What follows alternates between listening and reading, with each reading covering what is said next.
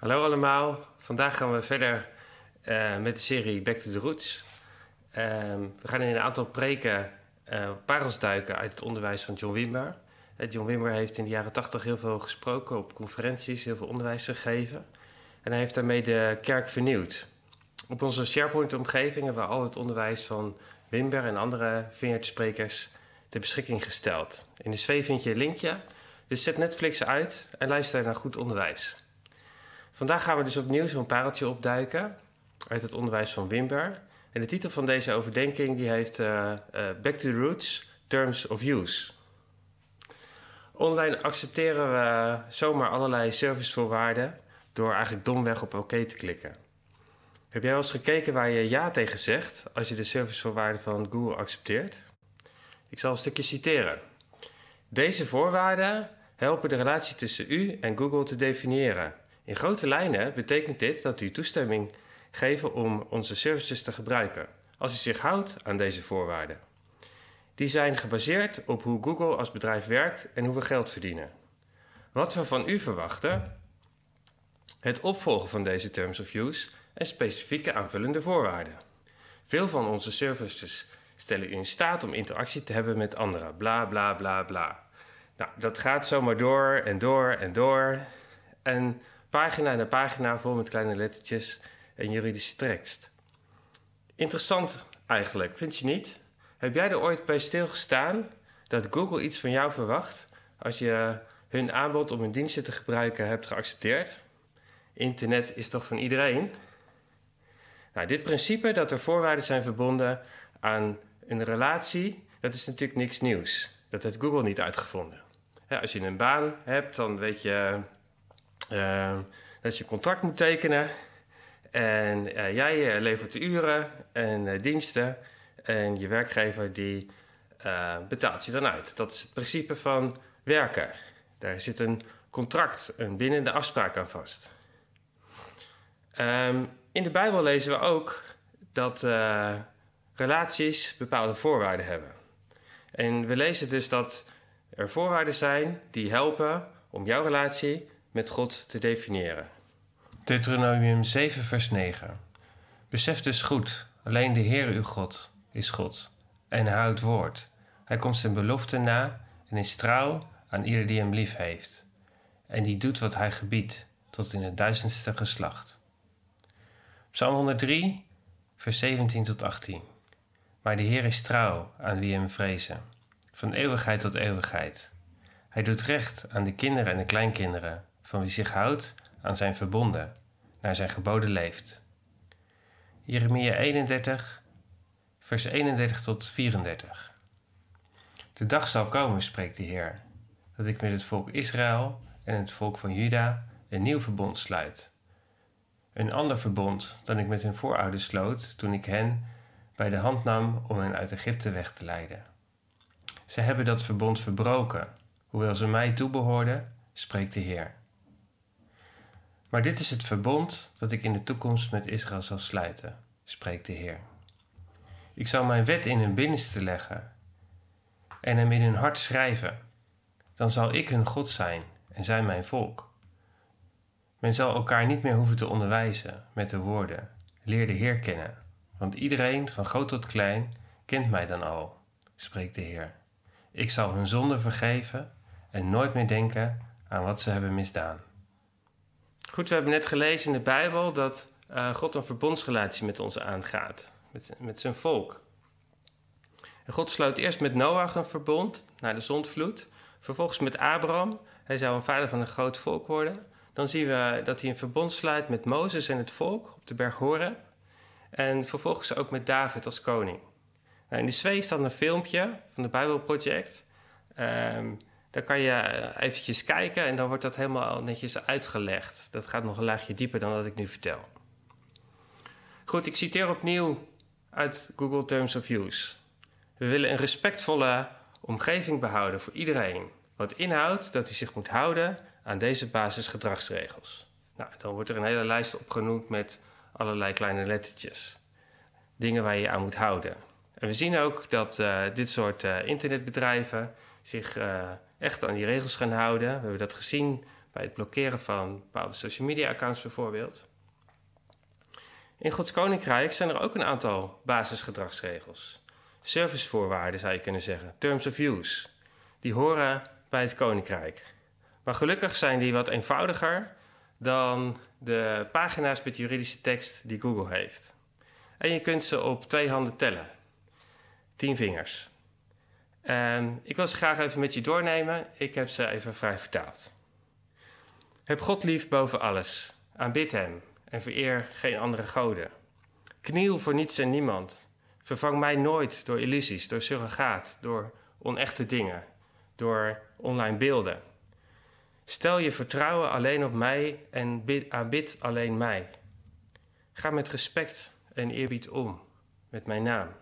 Want ik wil jouw God zijn. Vloek niet en gebruik mijn naam niet als een stopwoord. Maak tijd voor mij vrij. Bouw principes in van rust in je leven.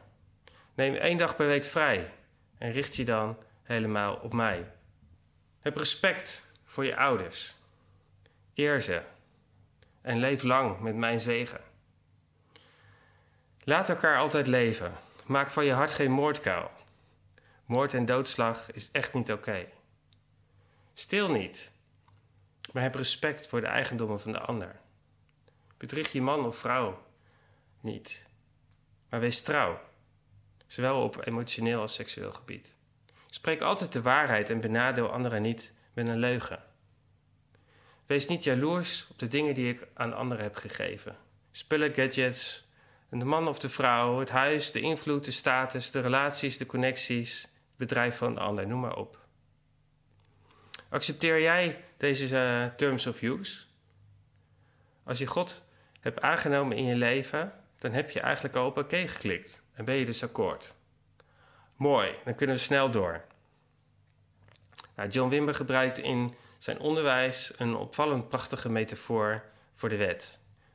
De metafoor van een draagdoek waar een baby uh, tegen de moeder is aangedrukt. En die, hij zegt dus eigenlijk die wet is als die draagdoek. En als we ons bewegen binnen die kaders van de wet, dan zijn we heel dicht aan de boezem van de Vader. Ik vind dat zo'n mooi beeld. Dan zijn we in Hem. En dat is de plek waar al de beloften van God gelden. De plek van ja en amen. De wet, de tien geboden, vormen de terms of use van het oude verbond. De terms of use van het nieuwe verbond zijn eigenlijk nog eenvoudiger. Het zijn slechts twee do's en don'ts. En deze voorwaarden die helpen jou de relatie tussen jou en Jezus te definiëren. Als eerste, ik heb ze even vrij vertaald. Heb mij lief met alles wat in je is. Heel je denken, je willen en je voelen. Heel je hart, heel je ziel. Maar net zo belangrijk, houd net zoveel van de ander als van jezelf. Of anders gezegd, doe de ander niet iets aan wat je zelf niet fijn vindt. Dan de tweede. Zet je in om van alle nationaliteiten, alle huidskleuren, etnische achtergronden, uh, mensen met mij bekend te maken. Help hen van mij te houden en mij te volgen. Dopen in mijn naam. Leer ze wat ik heb gezegd en wat ik heb gedaan. En doe het niet alleen, want ik ben met je. Altijd. Nou, dat is mijn eigen tijdse vertaling van het grote gebod en de grote opdracht. En ik zou je willen uitdagen, uh, pak die teksten er eens bij. Maak je eigen verwoording van het grote gebod en de grote opdracht. Geef eens woorden aan het verbond wat jij met God hebt. De Bijbel beschrijft dus de terms of use van Gods koninkrijk, zou je kunnen zeggen. En zijn koninkrijk is echt vrij toegankelijk, maar niet vrijblijvend. We gaan een verbondsrelatie aan, een partnership. Voordat je ja zei tegen dit verbond met je doop, leefde je je eigen leven. Maar nu heb je je oude leven afgelegd, ehm, de oude mantel uitgedaan en het nieuwe leven aangetrokken. Je hebt Jezus aangedaan. Je leeft nu in Hem. En je draagt Zijn identiteit, een nieuw leven. Zijn vijanden zijn jouw vijanden geworden. En jouw vijanden zijn zijn vijanden geworden. Zijn relaties, zijn netwerk zijn voor jou toegankelijk. Jouw relaties, jouw netwerk zijn voor Hem toegankelijk. Alles wat van Hem is, deelt Hij met jou. En alles wat van jou is, deel je met Hem. Je tijd, je geld, je spullen, je gaven, je talenten, je seksualiteit, noem maar op. Je hebt Zijn naam en reputatie ontvangen. Een nieuwe naam. En Hij heeft jouw naam en reputatie ontvangen. Je hebt Zijn schulden, rechten en erfenis ontvangen. En Hij ontvangt jouw schulden, jouw rechten en jouw erfenis. Je hebt zijn rang, zijn sterren en strepen ontvangen. Je hebt zijn autoriteit gekregen. En hij heeft jouw positie ingenomen. Snap je? Redding en verlossing voor hem uh, voor altijd bij hem zijn, de hemel, is slechts één aspect van het relationele verbond met Jezus. John Wimber begreep op een hele diepe en intuïtieve manier dat Gods aanbod van redding en verlossing slechts één uh, onderdeel van de deal was. En dat is een inzicht, een levenshouding zou ik bijna willen zeggen, die echt het navolgen waard is. Back to the roots zou ik willen zeggen. Dat betekent dus ook uh, je toewijden aan de grote opdracht. Genees de zieken, drijf de demonen uit, spreek leven uit over de dood, enzovoort. Hebben we in onze tijd niet te snel op oké geklikt en de terms of use geaccepteerd? Hebben we ze wel gelezen? Begrijpen we ze wel? We klikken wel op oké, want we willen snel toegang. Verlossing, ticket to heaven. Maar waar hebben we dan ja tegen gezegd? Hebben we wel echt nagedacht over die terms of use? Hebben we wel echt nagedacht over de voorwaarden die de relatie tussen jou en Jezus definiëren? Het is een relationeel verbond, een pact, een alliantie, een coalitie. En dat brengt rechten met zich mee waar je van kunt genieten, maar ook plichten waar je je voor in moet zetten. Een verbond is een bindende afspraak van twee partijen om een gezamenlijk doel te bereiken. Als je bijvoorbeeld een verbond sluit met iemand die in oorlog is, dan betekent dat ook wat voor jouw positie. Italië koos bijvoorbeeld in de Tweede Wereldoorlog voor een alliantie met Nazi-Duitsland. En dat bracht hen daardoor ook in conflict met de geallieerden, de Amerikanen, de Engelsen en de Canadezen. Zijn we als christenen in het Vrije Westen niet te veel verblind geraakt door vrede, door comfort, door vervulling van materiële behoeften? Hebben we nog wel echt zicht op onze positie in de geestelijke strijd die om ons heen woedt? Betekent overigens niet dat we alles geestelijk moeten zien. Maar het betekent wel dat het een reële dimensie is waar we toe gedwongen worden om actief positie te kiezen. En misschien zou je wel het liefst, net als Nederland in de Tweede Wereldoorlog, neutraal willen blijven. Geen gedoe, je niet te hoeven mengen in de strijd. Ehm, nou, misschien vind je het ook wel wat te polariserend zoals ik het nu allemaal stel. We zouden toch vrede naar moeten streven. Maar luister dan eens naar de woorden van Jezus zelf. Matthäus 10, vers 34. Jullie moeten niet denken dat ik gekomen ben om vrede te brengen op aarde. Ik ben niet gekomen om vrede te brengen, maar strijd. Nou, deze tekst staat uh, in zijn geheel ook in de sfeer, in de context. We kunnen dus niet zeggen dat we aan de ene kant een verbond met Jezus aangaan en tegelijkertijd neutraal willen blijven. Dat werkt niet. Er is een strijd gaande. Gods koninkrijk is in gevecht met dat van Satan en er staan zielen op het spel. Het gaat dus ergens over. Jouw verbond met Jezus maakt dat je in de strijd bent beland, of je dat nu wilt of niet. En wat is de veiligste plek als je in een oorlog verzeild bent geraakt? Is dat dan een plek van neutraliteit en afwachten wat de strijdende partijen gaan doen? Nee, dat is je plek innemen in de strijdmacht die je overwint. Dan ben je beschermd door je coalitiepartners die met je meevechten. Jouw eenheid, je eigen maten, die voor je opkomen. En dan kun je vragen om luchtsteun als je onder vuur ligt. Wat er ook gebeurt, je vecht voor elkaar. Brothers in arms. En Je zou er ook uh, naar kunnen kijken eigenlijk dat uh, als je een slagveld hebt, dan uh, zijn er natuurlijk allerlei voertuigen. En er zijn natuurlijk soldaten die, die daar rondlopen. Maar je zou het ook zo kunnen bekijken dat Jezus de tank is op het slagveld. Uh, een tank is een uh, machtig wapen. Uh, maar soms denken we dat als we in de buurt van een tank zijn, dat we dan veilig zijn. Maar onze plek is niet het, het, zijn van kanonnenvoer op het slagveld, zo onbeschermd. Nee, onze plek is in Hem, in de tank. Dan kunnen we het gevecht voeren vanuit een offensief perspectief. Hij is ons panzer, Hij is onze kanon, Hij is wendbaar en krachtig. In Nederland is de militaire dienstplicht afgeschaft, maar in Gods Koninkrijk geldt die nog steeds. Dat zijn de terms of use van Gods Koninkrijk. Je hebt hier akkoord mee verklaard toen je Jezus aannam in je leven.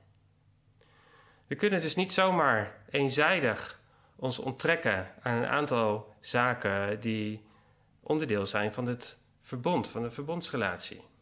En er dan zomaar van uitgaan dat alle andere zaken die God belooft, dat die zomaar intact blijven. Nee, dat levert problemen op. Zo werkt een verbond niet.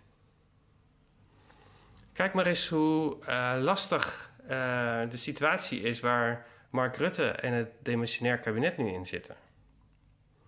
Kabinet heeft een bindende afspraak met de door het volk gekozen Kamer. Dat wij hen macht geven om de wil van het volk uit te voeren onderdeel van die bindende afspraak is het naar waarheid informeren en verantwoording afleggen aan de Kamer die ons, het volk, vertegenwoordigt.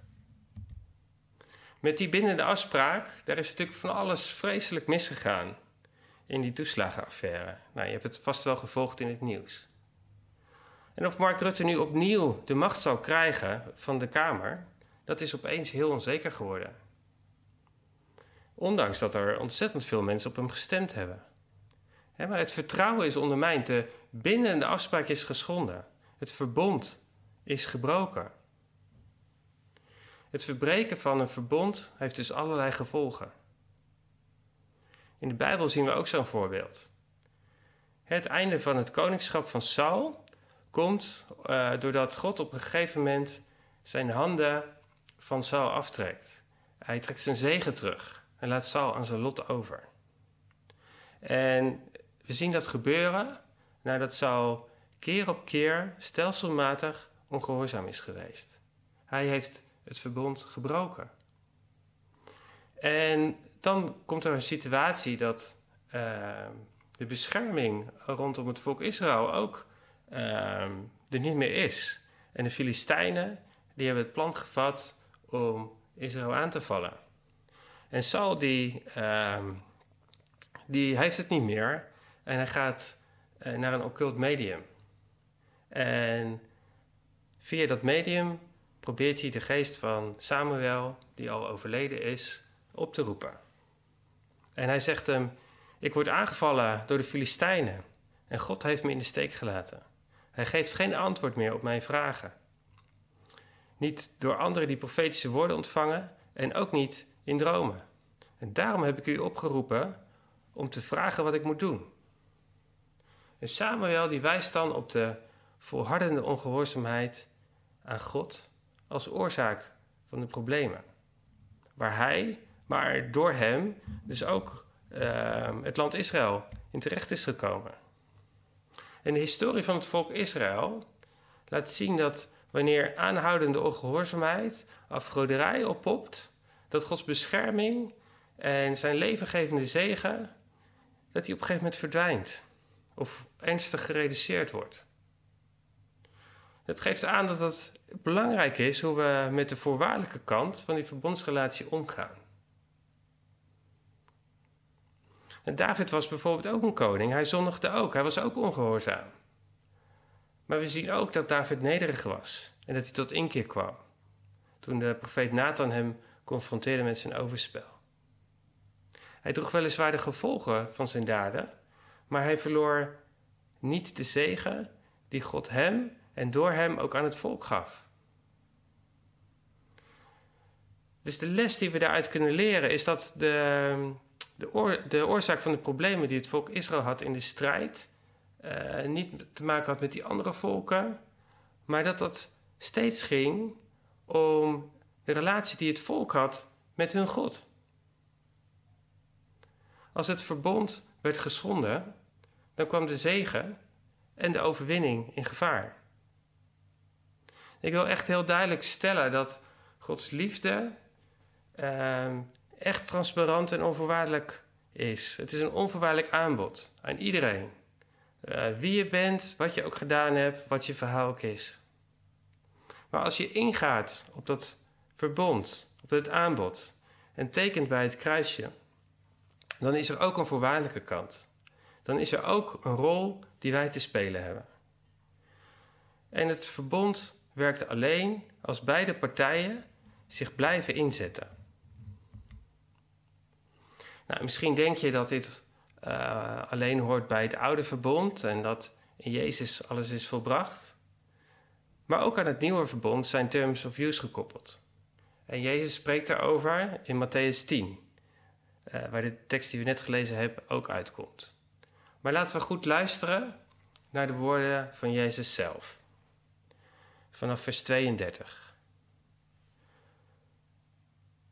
Als je er tegen de mensen voor uit durft te komen dat je bij mij hoort, zal ik ook tegen mijn hemelse vader zeggen dat je bij mij hoort.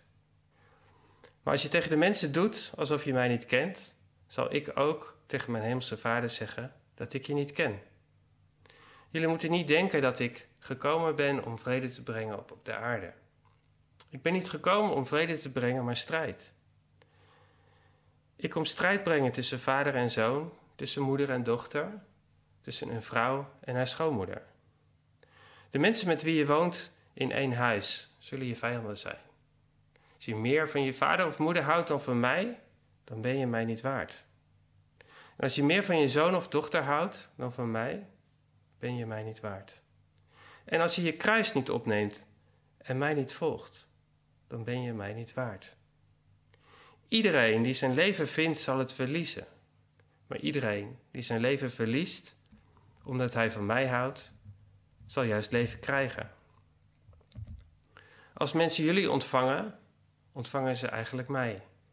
En mensen die mij ontvangen, ontvangen eigenlijk Hem die mij gestuurd heeft. Jezus is dus heel duidelijk. Ik ben niet gekomen om vrede te brengen, maar om strijd.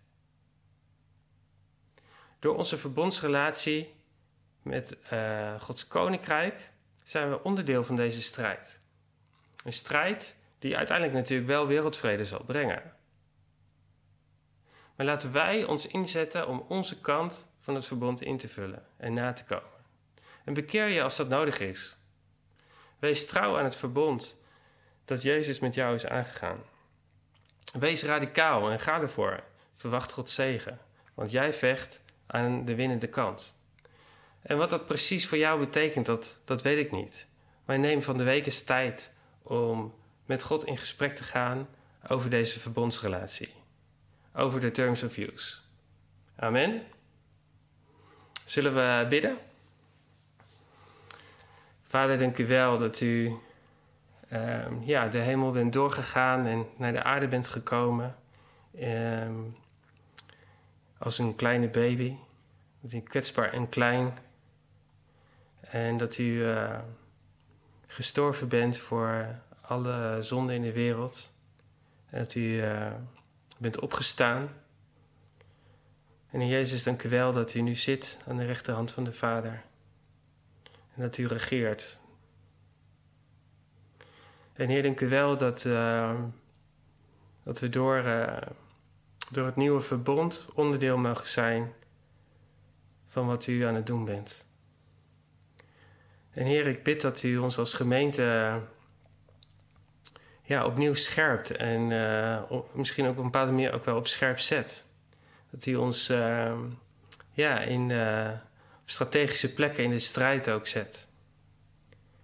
En Heer, help ons om ja, ons deel van het verbond na te komen. Om ons te houden aan de terms of use.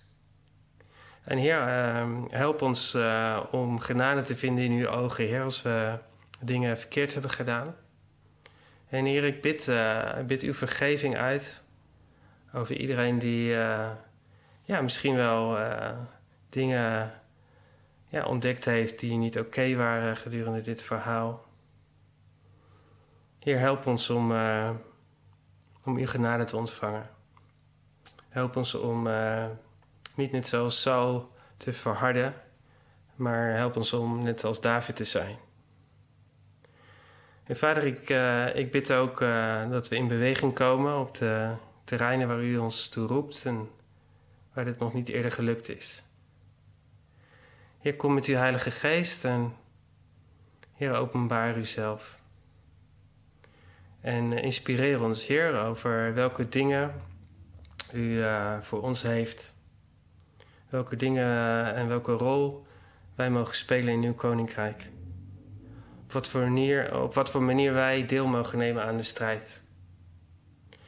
En ik zegen jullie als, uh, ja, als strijders in Gods koninkrijk. Hij is met je. En uh, ga in zijn naam. In Jezus' naam. Amen.